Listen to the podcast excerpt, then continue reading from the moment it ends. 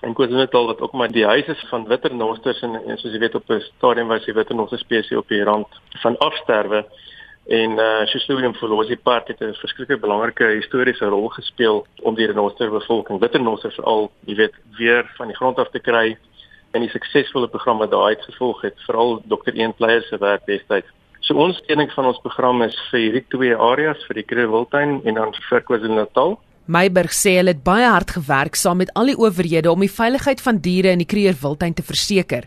Hy sê die pogings het daartoe gelei dat stroopers nou renosters in veral KwaZulu-Natal teiken.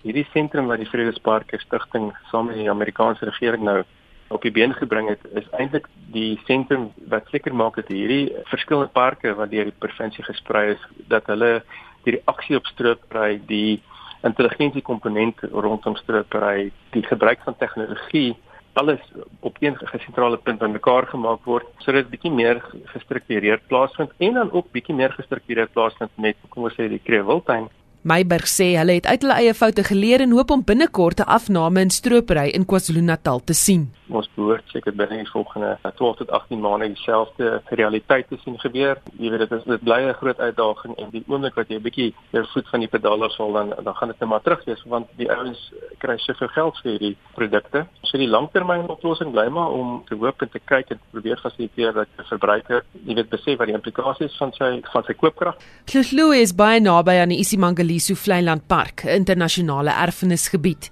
Die state skeer egter nie stroopers om diere uit die Mkuzi Park te stroop nie. Die bewaringsbestuurder van Mkuzi, Eduard Gosen sê hierdie is een van die oudste parke in Suid-Afrika en die Groot 5 is amptelik eers in 2013 weer in die park hervestig. Almal van die Groot 5 is hierso. Ehm um, soos ek sê, swarternosters wat oorspronklik een van die oorspronklike populasies is in die wêreld wat gebruik is om die res van die swarternoster populasie in Suid-Afrika te vestig. Stroping is 'n baie groot probleem in Mkuzi. Dis 'n historiese probleem, dis deels kultureel waar dit nie 'n nuwe probleem is nie en dit was al baie in die nuus as gevolg daarvan. Ons sit met verskriklik baie stropingsinsidente, maar meestal mense wat met strikke inkom en kom vang en as gevolg daarvan het ons prioriteitspesies moniteerders wat elke dag uitgaan, byvoorbeeld om die wilde honde te volg, wat elke dag uitgaan om die cheetahs te volg. Gosen sê stroopry maak bewaring baie moeilik. Dis 'n eindelose stryd en dit breek 'n mens hart en dis hoekom ons doen wat ons doen. Ons probeer dit so goed as moontlik bestuur. Ons het baie baie goeie, goed gemotiveerde groep veldwagters wat verskriklik hard werk in uiterste omstandighede. Hy sê die lewe van 'n veldwagter is nie maklik nie. As jy nou kyk na wat ons hier doen in hier is 'n 'n waarskuwing vir mense wat in natuurbewaring wil ingaan. Dis nie 'n beroep nie, dis 'n lewenswyse. Ek wil ons gisteraand tot laat gewerk tot na 8uur toe. Ons is vanoggend weer van 4uur 4uur die oggend af is ons uit. Ons moes vanoggend ehm um, saam met ons veearts, moes ons twee leeu's verdoof en ons het nuwe collars opgesit en ons is besig om wilde honde te volg wat ons ook ehm um, collars opsit dat ons die diere kan volg en hulle effektief kan beskerm. So Ja, sê hoe voel mense oor hierdie park? Hoe voel mense oor die werk? Dit dit is ongelooflik. Dis 'n lewenstyl, dis 'n lewenswyse. Dit kom met opofferings, verskriklik. Maar net om hier rond te ry en hierdie te ervaar en deel daarvan te wees, is is regtig nie moeite werd.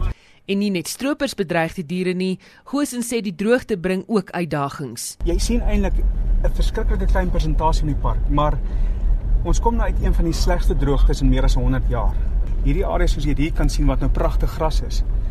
Verlede jaar hierdie tyd was dit rooi grond van die noorde tot die suide. Absoluut niks nie. Ons het verskriklik baie diere verloor.